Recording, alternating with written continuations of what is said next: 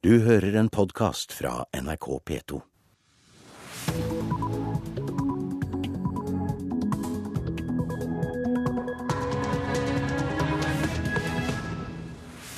God morgen og velkommen til Nyhetsmorgen. Det er tirsdag 2. juli i dag.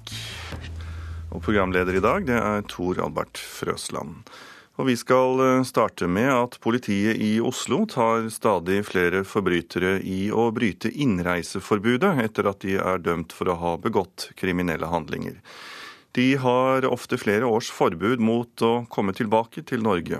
Nå skjerpes straffen for å bryte dette innreiseforbudet. Det sier politiadvokat Brita Røkenes. Dette er saker hvor vedkommende har blitt utvist. Eh, de har da fått et innreiseforbud og har ikke anledning til å komme tilbake til Norge så lenge det innreiseforbudet gjelder. Men så kommer de tilbake likevel? Da kommer de tilbake likevel.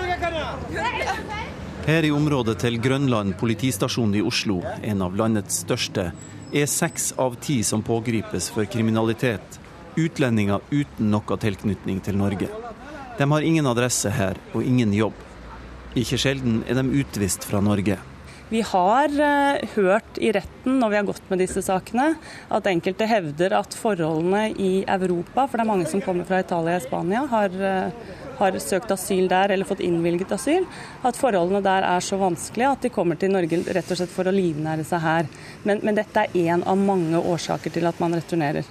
Men er det folk som returnerer for å drive kriminalitet? Ja, Det kan også være tilfellet. Vi ser jo at en god del av de som blir påtruffet som har brutt innreiseforbudet, eh, også er tatt av politiet for typisk vinningskriminalitet eller narkotikakriminalitet. Ved utgangen av mai i fjor hadde Oslo-politiet anmeldt 42 utlendinger for å ha reist inn i landet selv om de hadde innreiseforbud. På samme tid i år har de anmeldt 92, altså over dobbelt så mange. Og Det vil jo bety eh, en betydelig eh, økning i antall saker vi må behandle også. Mange kriminelle utlendinger kommer tilbake igjen og igjen, fortalte en politimann i Oslo til NRK i fjor. Jeg har pågrepet eh, samme fyr tre ganger for salg av narkotika. Eh, og han er transportert ut av landet tre ganger og kommer tilbake igjen. Etter påtrykk fra politiet går regjeringa nå inn for å tidoble straffa for å bryte innreiseforbudet. Fra dagens 35 dager til minst ett års fengsel. Det er bra, mener politiadvokat Brita Røkenes. Vi håper at det vil virke preventivt å få folk til å avstå fra å gjøre dette. For hittil har arbeidet mot bl.a. utenlandske narkoselgere i Oslo tidvis virka temmelig håpløs. Av og til føles det som å eh, øse en lekkbåt med teskje. Det blir bare mer og mer. Reporter det var Kjartan Røslett. Så hit til Nyhetsmorgen har du kommet, statssekretær i Justisdepartementet Pål Lønseth. God morgen. morgen. Vi hørte her politibetjenten si at dette er som å øse en lekkbåt med teskje. Bytter dere ut teskje med øsekaret nå? Gjør det iallfall eh, uh, slik at uh, det blir eh, forbundet med en streng straffereaksjon å bryte et innreiseforbud. normalstraffen utmålt av domstolen til nå har vært omkring 35 dager for, for et slikt brudd, og nå hever, eh, foreslår altså regjeringen å heve den strafferammen til eh, to år, eh, og angir også en minstestraff, eller en normalstraff, på ett års fengsel førstegangsovertredelse. Men kommer dette til å ha den preventive effekten dere ønsker? Ja, vi har god tro på det, at eh, dette hjelper godt. Fordi eh, vi er nødt til å markere helt tydelig at eh, brudd på innreiseforbud, det aksepterer vi ikke. Det er også en stor betydning for kriminalitetsbekjempelsen. Som vi hørte politiet si, så, så er det ikke mange som bryr seg om disse 35 dagene man kan få hvis man blir tatt. Nå er det en kraftig reaksjon som kan vente.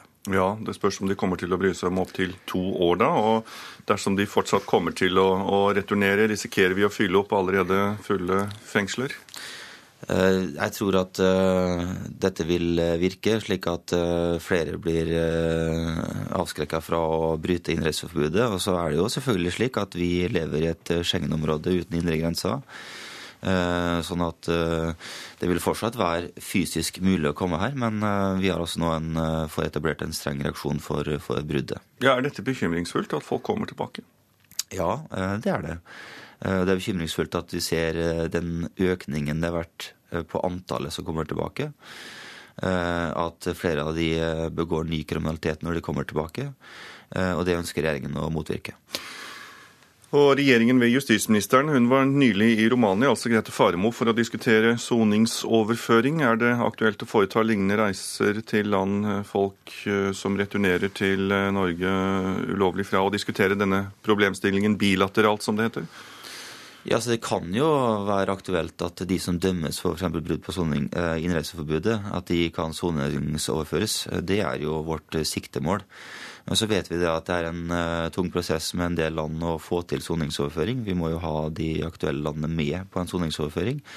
Og det er noe som regjeringen vil ha et kontinuerlig trykk på. Tung prosess, sier du. Hva ligger i det? Nei, det er klart at Europas fengsler er fulle. Det er ikke noen plasser for oss å kjøpe heller. Slik at det er en del land som, som er, etter vårt syn, kunne vært bedre og raskere til å si ja til våre begjæringer om soningsoverføring. Takk skal du ha, statssekretær i Justisdepartementet Pål Lønseth. Kvinnen som ble funnet kritisk skadet i en bolig på Tastad i Stavanger i går kveld, døde i natt. En mann ble også funnet død i boligen. Politiet har jobbet på stedet i natt, det sier politiadvokat Karen Mork. Det er teknikere som jobber på åstedene. Og det er gjennomført en rekke vitneavhør foreløpig, og det vil bli gjennomført flere vitneavhør. Og det er fortsatt mye som er uavklart i saken. Kvinnen i 50-årene som ble sendt til Stavanger universitetssykehus med stikkskader, døde der i natt, melder politiet. Også en bilulykke der sjåføren døde etter et krasj med en trailer, har tilknytning til huset på Tarstad. Det er tre voksne som er registrert og bosatt på denne adressen. Det har vært en bil som har vært på jakt etter i tilknytning til denne adressen. Jeg kan bekrefte at det er den samme bilen som har eh, vært involvert i en kollisjon på E39 i Bjerkreim, hvor det er dødsulykker. Politiadvokat Mork fortalte videre at identiteten til den døde mannen og kvinnen i huset på Tastad er ukjent, og at det samme gjelder for identiteten til mannen som døde i bilulykka. Det sa reporter Siri Vikne Pedersen. Arbeiderpartiet lar seg diktere av LO, slik at de får en dårligere næringspolitikk enn de ellers kunne ha hatt. Ja, det mener næringslivets hovedorganisasjon NHO.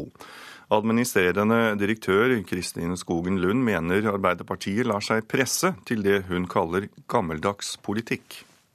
Ja, Vi ser at Arbeiderpartiet har mye næringsvennlig politikk, men det er synd at de i så stor grad tar diktat fra LO. For det gjør at særlig på arbeidslivssiden og pensjonssiden så mener vi at de går egentlig mot sine egne intensjoner. Utspillet fra NHO kommer i forbindelse med partibarometra.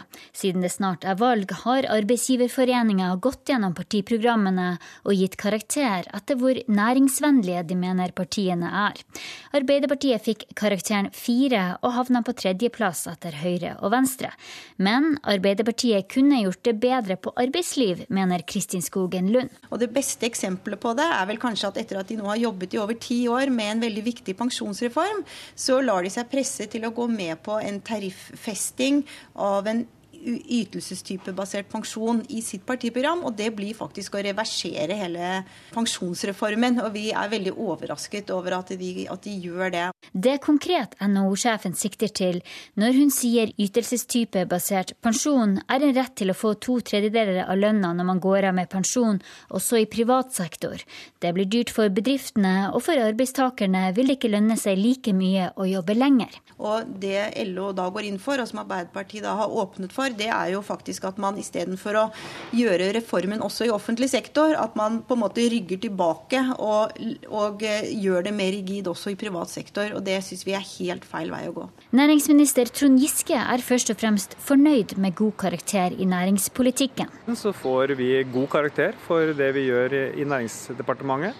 Men så er NHO mer uenig i det Arbeidsdepartementet gjør på arbeidstakerrettigheter. Og Her er det jo en dyp uenighet mellom arbeidsgiverne på den ene side eh, og LO og Arbeiderpartiet særlig da, på den andre, som mener at kampen mot sosial dumping, eh, kampen for fast ansettelse og gode arbeidsvilkår er viktig Arbeiderpartiet stiller seg vanligvis på arbeidernes side, påpeker Giske, og avviser diktat fra LO. Det er jo fordi vi er enige i målet eh, at vi også blir enige i politikken, ikke slik at noen instruerer den andre. Reporter var Linda Reinholdsen. I går ble det kjent at cellulosefabrikken Sødra Cell på Tofte i Buskerud legges ned.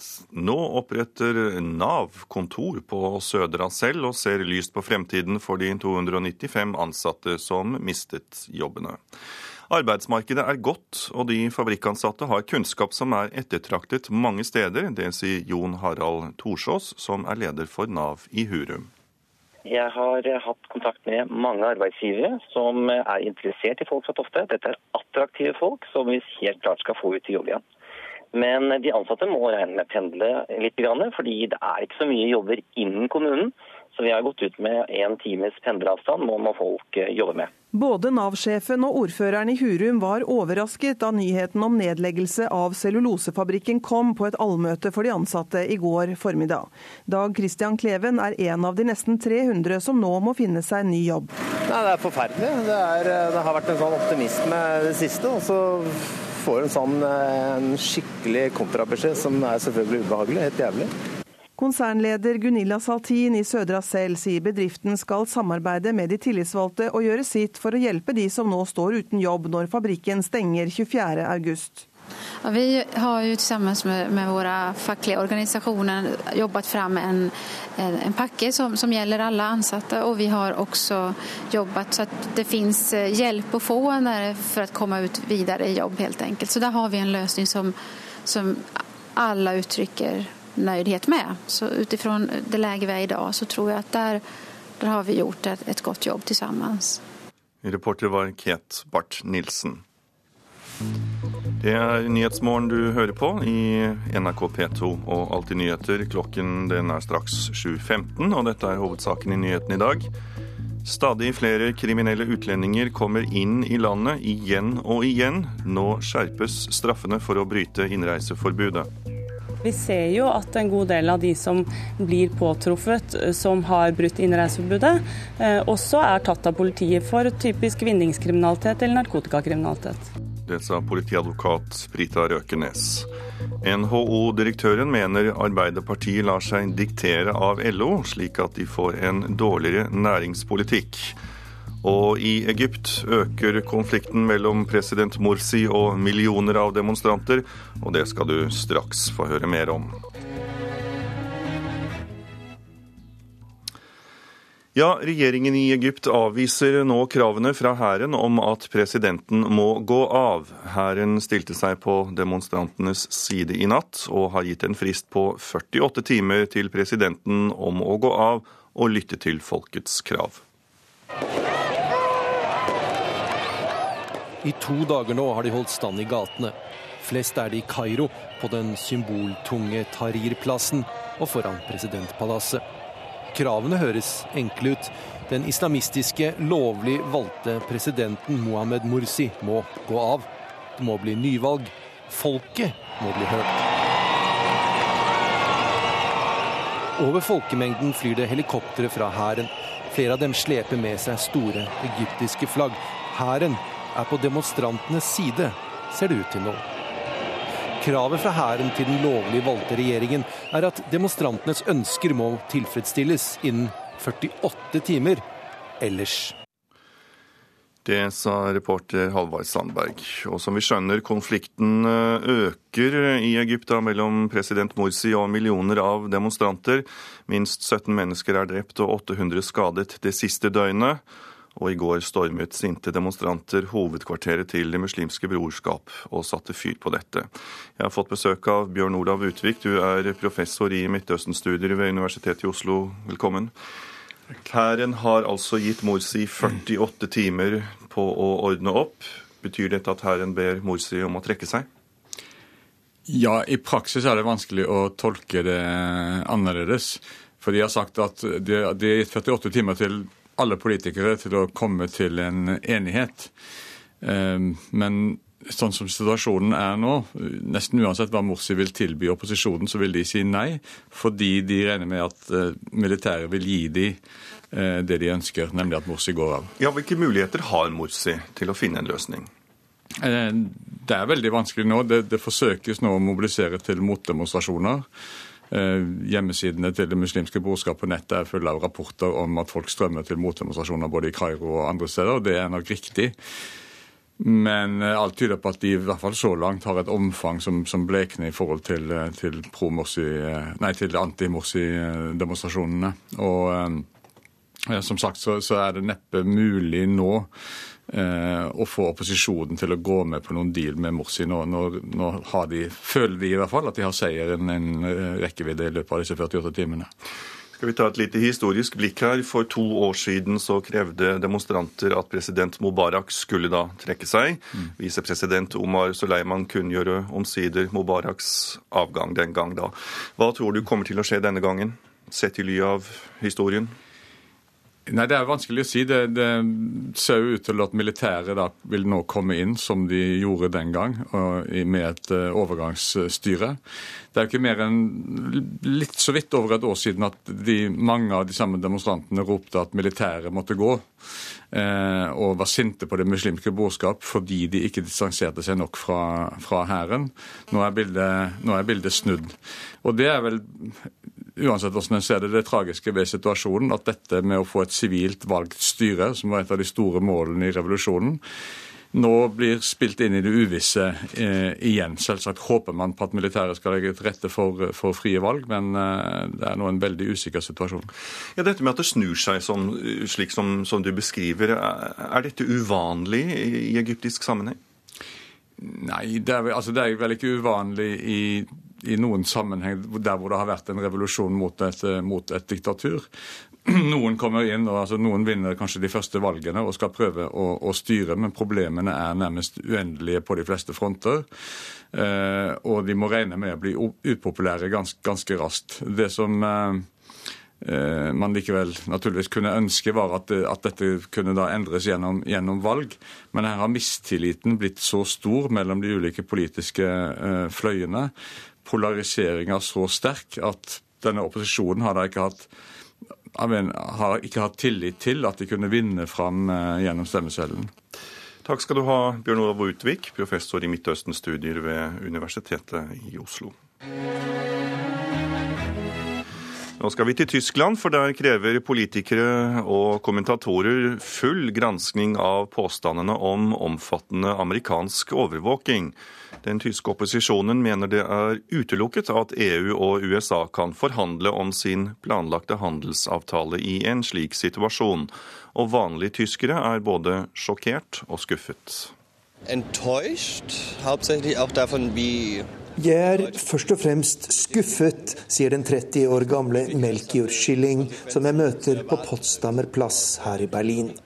Det er trist og opprørende at USA driver en slik overvåkning av sine venner og allierte, og det er også skuffende at tyske myndigheter er så passive. Jeg mener det er all grunn til å spørre om tyske hemmelige tjenester har deltatt i dette, sier han.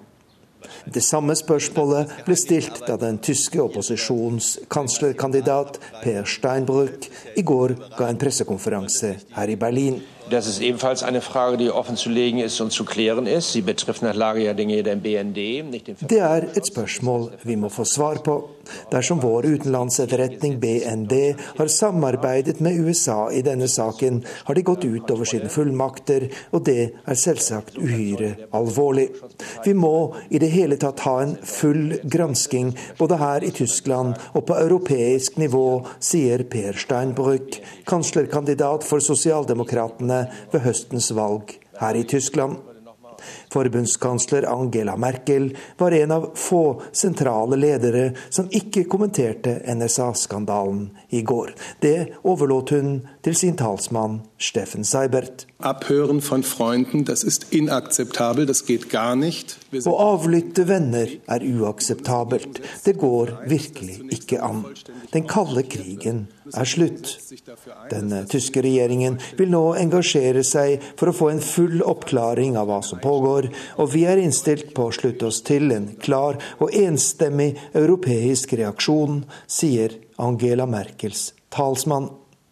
Ukemagasinet Der Spiegel skriver i sin siste utgave at den amerikanske etterretningsorganisasjonen NSA har avlyttet og analysert opptil en halv milliard dataforbindelser her i Tyskland, og sosialdemokratenes leder mener overvåkningen må få følger for de planlagte forhandlingene om en historisk handelsavtale mellom USA og EU. Kan man ikke forestille at man forhandlet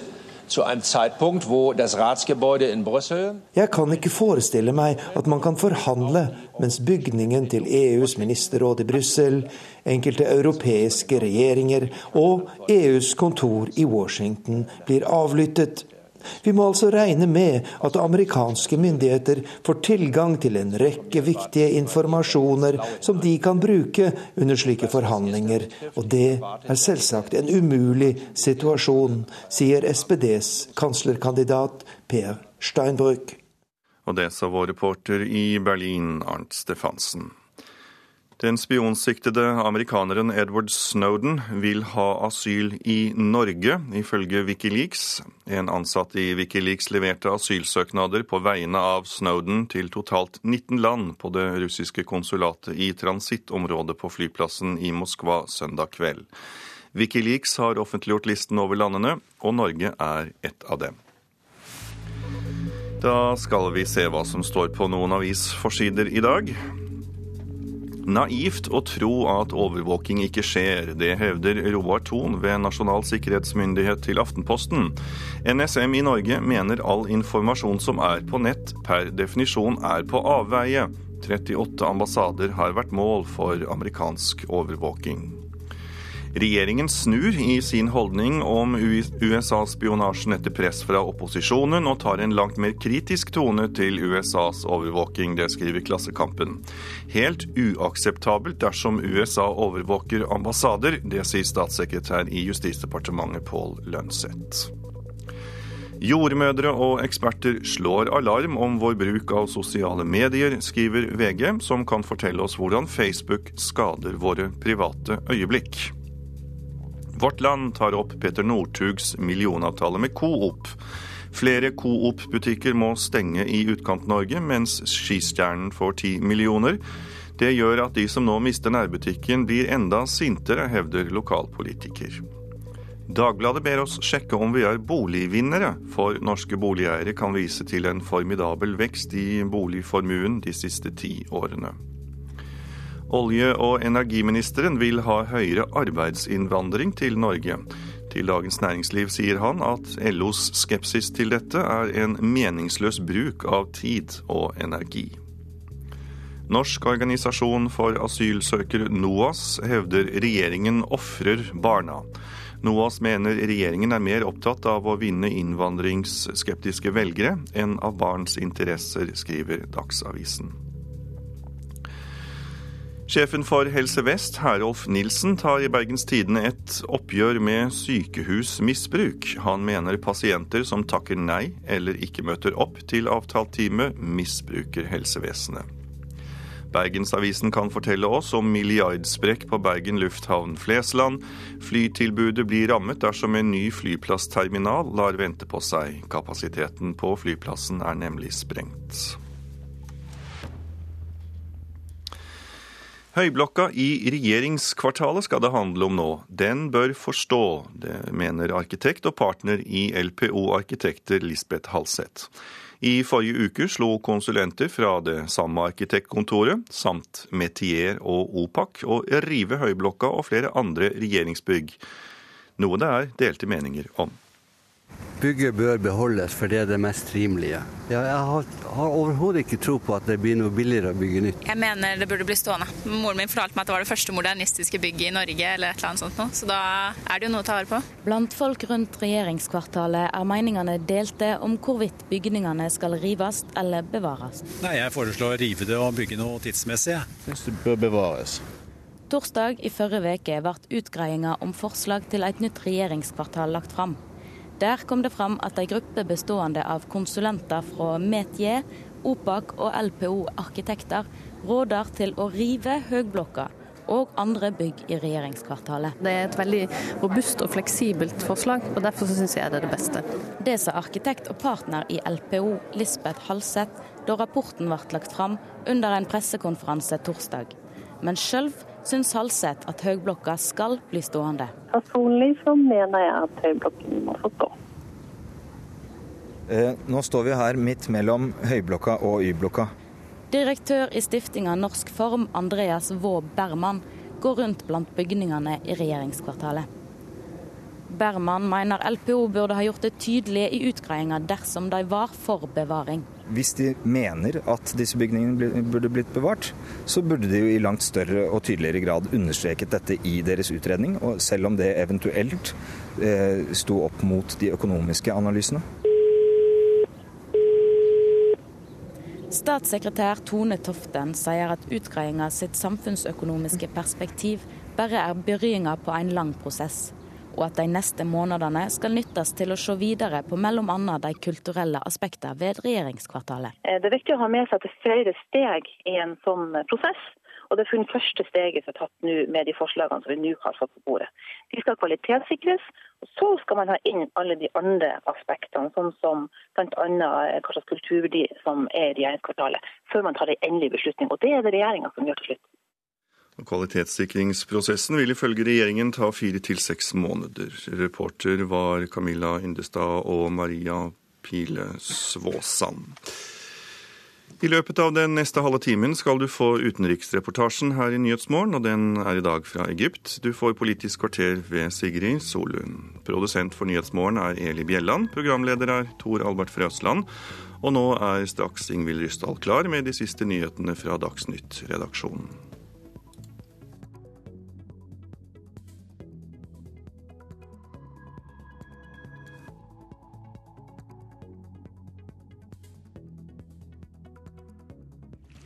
Sommer i P2. Mitt navn er Erik Ulfsby, og i mitt Sommer i P2 skal jeg snakke om mitt forhold til teater, mitt liv som legobygger, og mitt forhold til Gud, Nederland og Hank von Helvete. Sommer i P2. Kjente stemmer inviterer deg nærmere. I dag klokken 15. Utviste kriminelle kommer tilbake til Norge gang på gang. Nå vil regjeringa skjerpe straffene. Varsleren Edward Snowden har søkt asyl i Norge. Og Egypts president avviser hærens krav om at han må gå av innen to dager. God morgen, her er NRK Dagsnytt, klokka er 7.30. Mange utlendinger blir utvist fra landet etter å ha begått kriminalitet her. Ofte har de flere års forbud mot å komme tilbake, men i Oslo tar politiet nå stadig flere for å bryte innreiseforbudet. Det sier politiadvokat Brita Røkenes. Dette er saker hvor vedkommende har blitt utvist. Eh, de har da fått et innreiseforbud og har ikke anledning til å komme tilbake til Norge så lenge det innreiseforbudet gjelder. Men så kommer de tilbake likevel? Da kommer de tilbake likevel.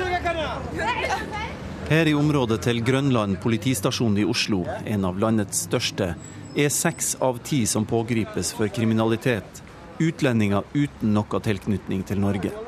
De har ingen adresse her og ingen jobb. Ikke sjelden er de utvist fra Norge. Vi ser jo at en god del av de som blir påtruffet som har brutt innreiseforbudet, eh, også er tatt av politiet for typisk vinningskriminalitet eller narkotikakriminalitet. Ved utgangen av mai i fjor hadde Oslo-politiet anmeldt 42 utlendinger for å ha reist inn i landet selv om de hadde innreiseforbud. På samme tid i år har de anmeldt 92, altså over dobbelt så mange.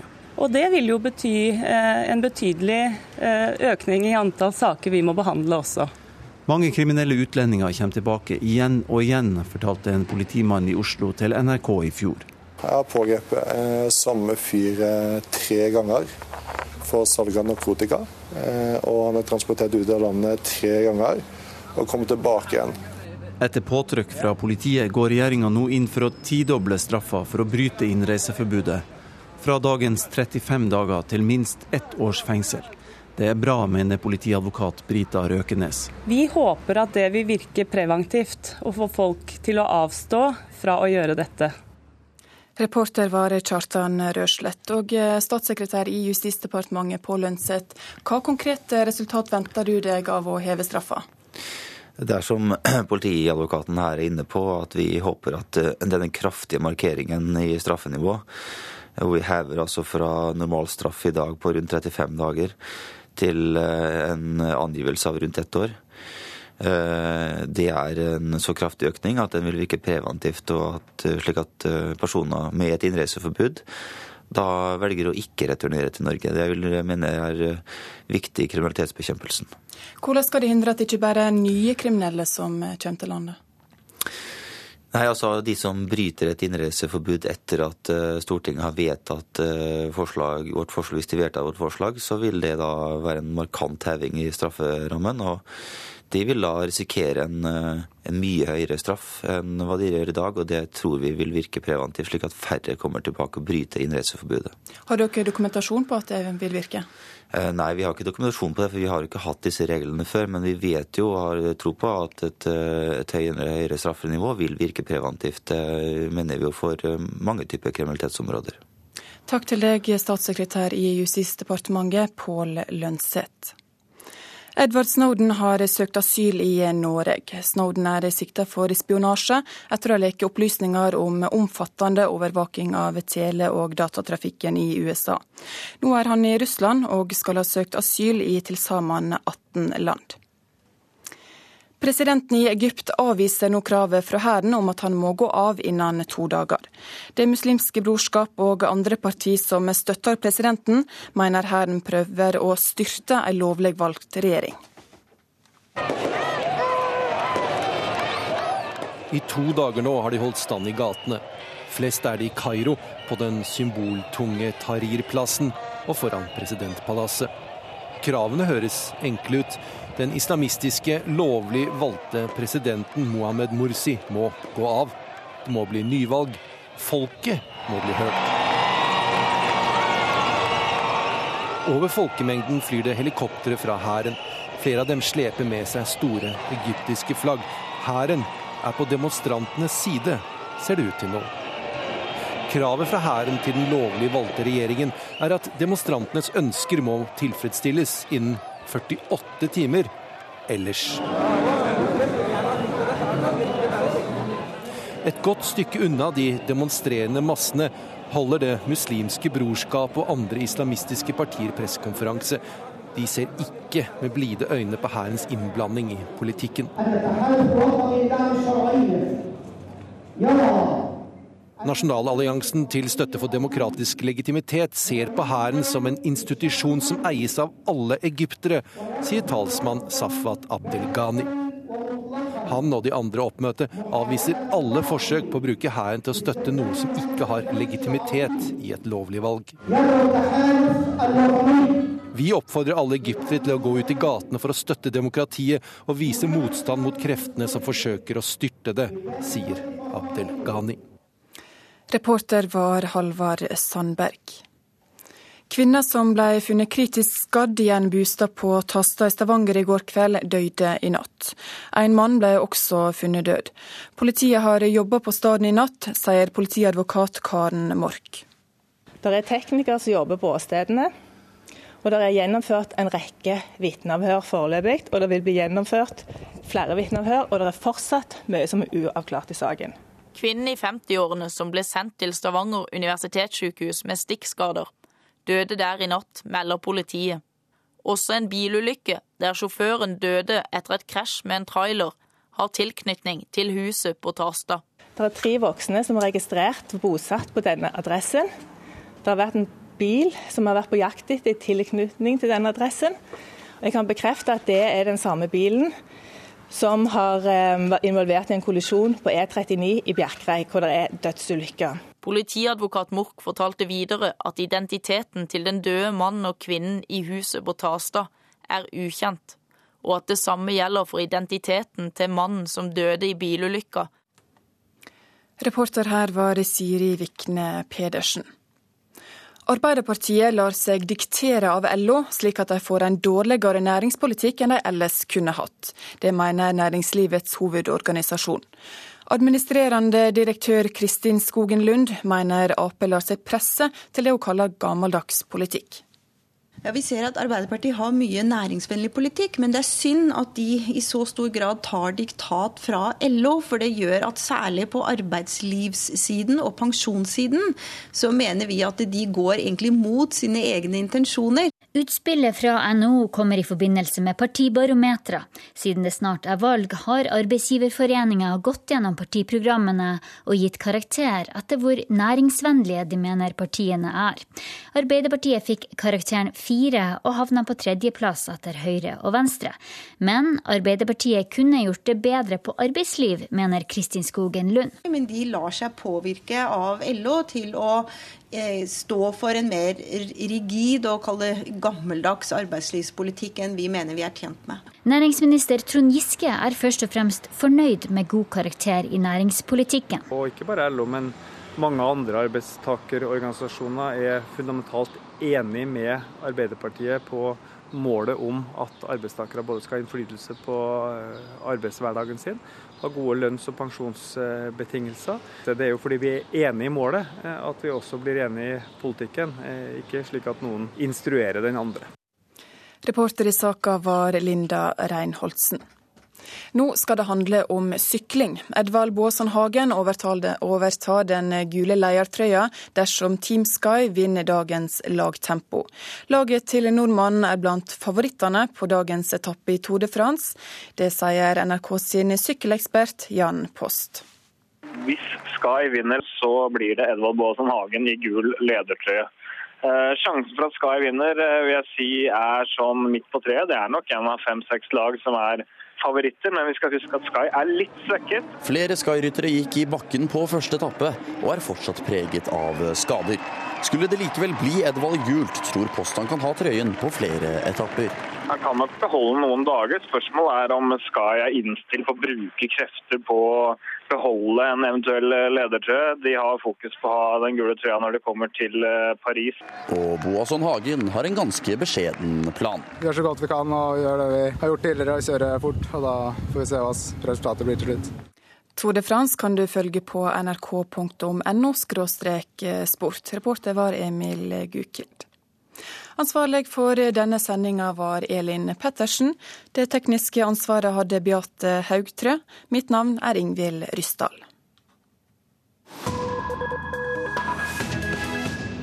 Og her i Nyhetsmorgen skal vi høre at Egypts president Mohammed Morsi har fått streng beskjed fra militæret i landet om å etterfølge folkets krav om nyvalg.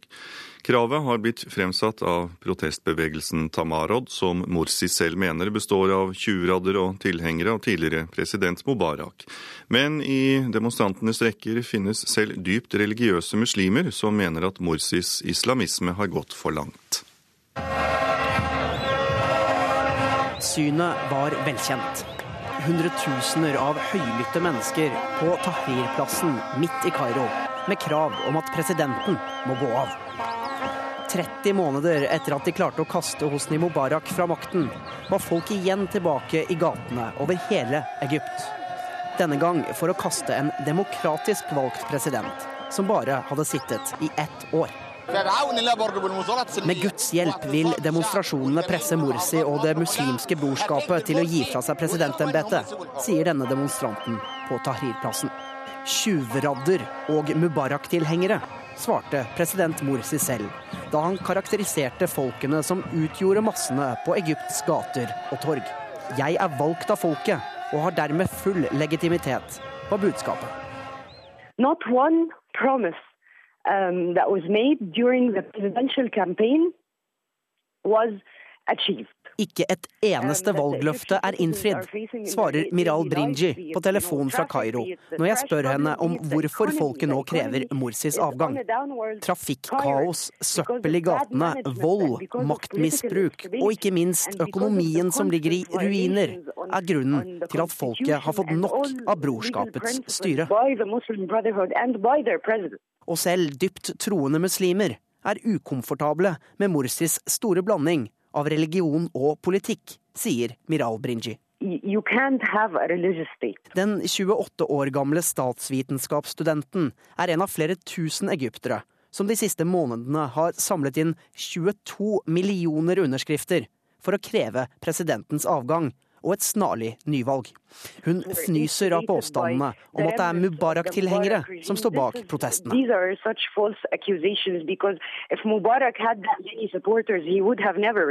Hvis Mubarak hadde hatt så mange tilhengere som vi så i gatene på søndag, ville han fremdeles ha sittet ved makten, sier Brinji.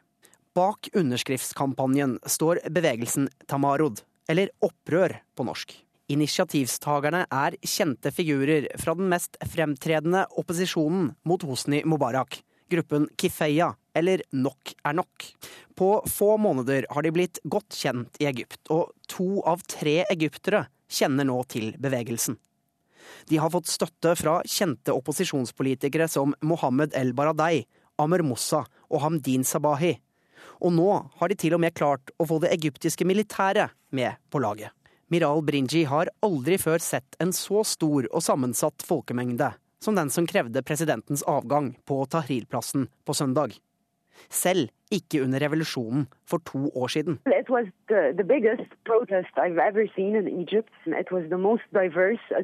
Folk kom fra alle samfunnslag. De var mørke og lyse. Det var muslimer og kristne, fattige og rike. De reflekterte rett og slett det egyptiske samfunnet, sier hun. Aktivist Miral Brinji er stolt over det bevegelsen Tamarod har fått til. Og hun er optimist på vegne av det egyptiske folk. I mean, like say, uh, yes, the, the 7,000 years of civilization haven't gone to waste. Reporter her var Stig Arild Petersen. Og her i Nyhetsmorgen har vi disse hovedsakene i dag. Stadig flere kriminelle utlendinger kommer inn i landet igjen og igjen. Nå skjerpes straffene for å bryte innreiseforbudet. NHO-direktøren mener Arbeiderpartiet lar seg diktere av LO, slik at de får en dårligere næringspolitikk. Og i Egypt øker konflikten mellom president Morsi og millioner av demonstranter. I Politisk kvarter i dag har du besøk av to småpartier som kan få innflytelse etter valget i høst, Sigrid Solløen. Rødt og Miljøpartiet De Grønne har begge mulighet til å komme inn på Stortinget, men kan de stå i veien for hverandre?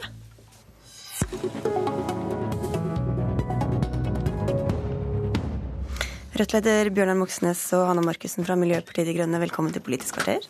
Takk for det. Takk for det. Hanne Markussen, dere har en reell mulighet til å komme inn på Stortinget fra Oslo. Det samme har Rødt. Hvor mange av de samme velgerne tror du dere kjemper om?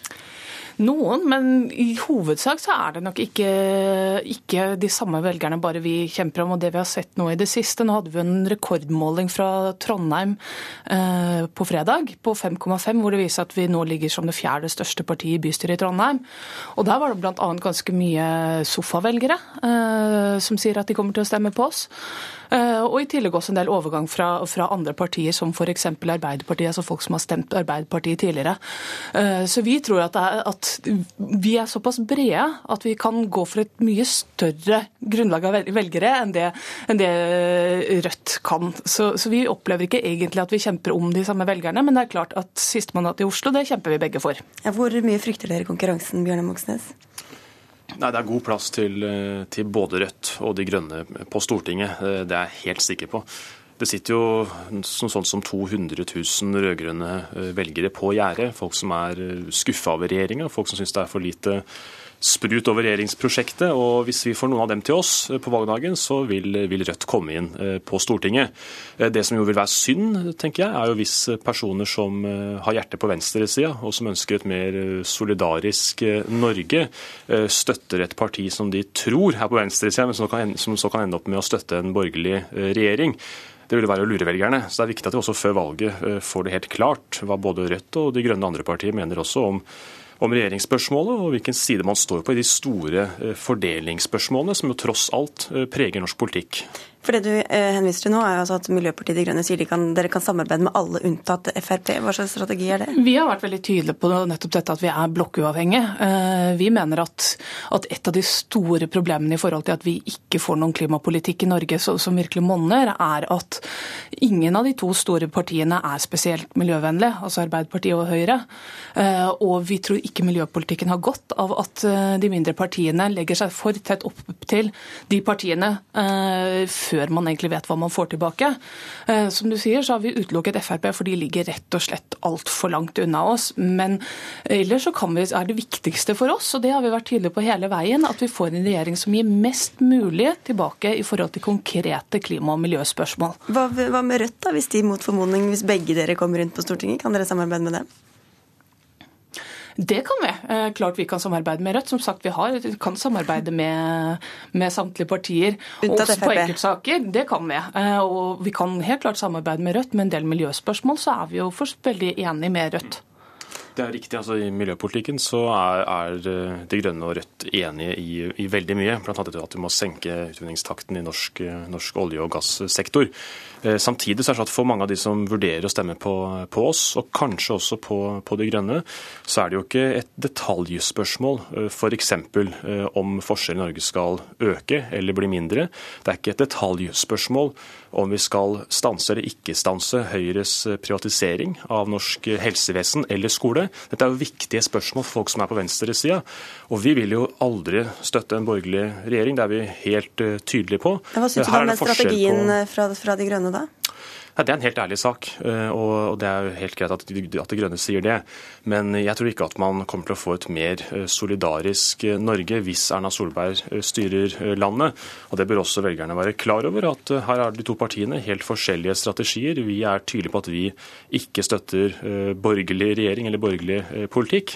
Men så er vi enige i mange av de store spørsmålene som handler om miljø, klima og veivalg for Norge framover. Markusen, på borgerlig side må de stadig svare på hvem som skal sitte i en borgerlig eventuell regjering. Hvordan forsvarer du at velgerne deres ikke engang får vite om, de, om dere vil samarbeide til høyre eller til venstre? Vi har sagt hele tiden at det viktigste for oss er å gjøre Stortinget grønnere uansett regjering, og at vi ønsker å røske opp i et veldig fastlåst blokksystem som det vi har i Norge. Så de sakene Bjørnar Moxnes nevner, de er ikke så viktige, da? Eh, det er viktig at vi klarer å få en klimapolitikk som, som monner, og at vi får et parti på Stortinget som tør å sette miljø foran andre saker. Noe av problemet med at ikke vi har en klimapolitikk i Norge som monner, er nettopp det at ingen partier og dagens storting er villig til å sette disse spørsmålene først. Men Betyr det at hva dere mener eller hva dere vil støtte av eh, skolepolitikk, helsepolitikk og sånne ting, det er bare underordnet?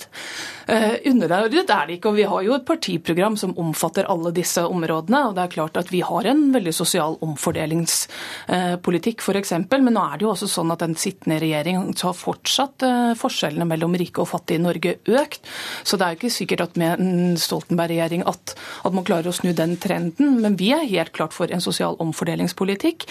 og, og er, har solidaritet som en av, av våre grunnprinsipper. Da, men da er det også en solidaritet med fremtidige generasjoner. Og Det er et veldig viktig spørsmål for oss, og da må vi være villige til å si at vi prioriterer dette først, og kan ikke støtte noen før vi vet hva vi får tilbake i forhold til den støtten.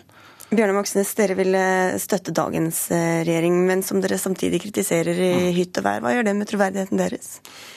Jeg tror veldig mange er enig med oss i at eh, regjeringa ikke har levert på mange viktige områder. De lovte et Norge med mindre eh, forskjeller mellom folk. Forskjellene har ikke blitt eh, mindre med, med rød-grønn regjering. De lovte å stanse veksten i topplederlønningene. De har vokst til himmels. Så vi ønsker jo kraftigere lut i norsk politikk for å stanse de økende forskjellene. Det var ikke det jeg spurte om, da. Samtidig så er vi helt tydelige på at det vil være store forskjeller på en borgerlig regjering og en rød-grønn. Et stikkord bare, det er arbeidsmiljøloven, eh, hvor de borgerlige ønsker å svekke de ansattes, eh, ansattes rettigheter. Dette er viktige spørsmål også for våre velgere. så det er klart at Vi både på den ene sida er utålmodige eh, med regjeringa, ønsker en langt rødere og grønnere kurs enn det vi har i dag. Samtidig ser vi at hvis vi slipper til Erna Solberg og lar de styre Norge, så vil vi oppleve som vi opplevde for åtte år siden, at vi får kraftig økende forskjeller. Så Eh, vi ønsker både fortsatt rød-grønn regjering, men også inn på Stortinget for å slåss for en mye tydeligere rød-grønn eh, kurs. Dere stjeler begge velgere fra SV. Hvor komfortable er dere med det? Det er eh, mange mange, mange velgere i Norge som, eh, som sitter på gjerdet nå, og som kan havne i sofaen på valgdagen. Eh, hvis vi kan få dem til valgurnene ved å mobilisere for en tydelig rød politikk, så gjør vi alle en tjeneste, også oss selv. Ja, altså, jeg, jeg, jeg syns det er litt feil å fremstille som man stjeler velgere, for velgere er ikke noe man kan stjele. Det er folk som bestemmer selv hva de vil stemme på. Men det som viste seg i 2009, var at det var eh, dobbelt så mange som oppgir miljø som en av de aller viktigste disse sakene som det som stemte på Venstre og SV til sammen. Så vi er overbevist om at det finnes et ganske stort potensial av velgere som ønsker et parti som er villig til å sette miljøspørsmålene først.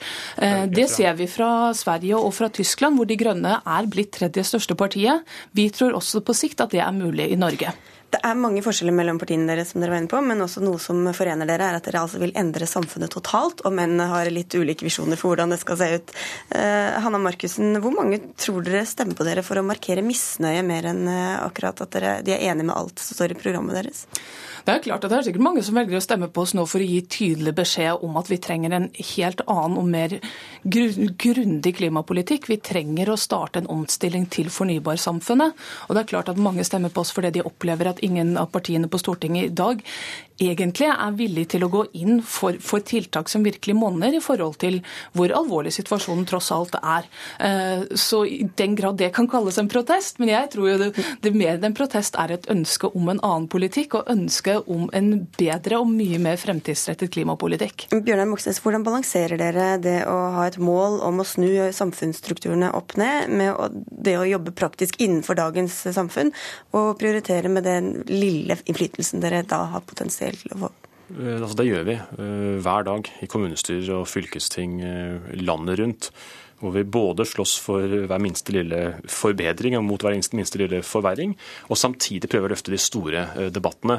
Jeg tror mange nå eh, vurderer å stemme på Rødt, eh, også fordi de ønsket Rødt på Stortinget, for å få en stemme som er uenig med de andre i utenrikspolitikken. Det er et parti som konsekvent går mot Natos angrepskriger, som også løfter diskusjonen om kapitalisme, om den krisen som nå er i Europa, og om Norges rolle overfor de fattige landene i sør. Så det er nok mange som stemmer på oss fordi de ønsker et parti som tør å stå for det vi sier også etter valget, og som ikke minst er uenig i de store spørsmålene med de øvrige partiene. Og om de stemmer på Rødt, så er jeg glad for det. Eh, og det vil også gi oss mulighet til å løfte debattene på et helt annet nivå enn det vi kan gjøre per i dag når vi er utafor Stortinget. Altså, det er viktig for meg å få sagt at ja, vi går for en omstilling til fornybarsamfunnet, men den omstillingen begynner jo også med små skritt. og det, Den erfaringen vi har også fra, fra kommunestyret rundt omkring i landet, er at det er mulig å få gjennomslag eh, for noen av de små skrittene på veien. Og det er nødvendig for å starte den store omstillingen til fornybarsamfunnet. Mm. Og da er det viktig at vår stemme kommer med i debatten. I dag skal dere ha oppsummerende pressekonferanse, eller var ikke så mye å oppsummere, men dere vil se framover. Bjørnar Moxnes, takk for at du begynte dagen her i Politisk kvarter. Takk til deg, Hanne Mark. Markussen.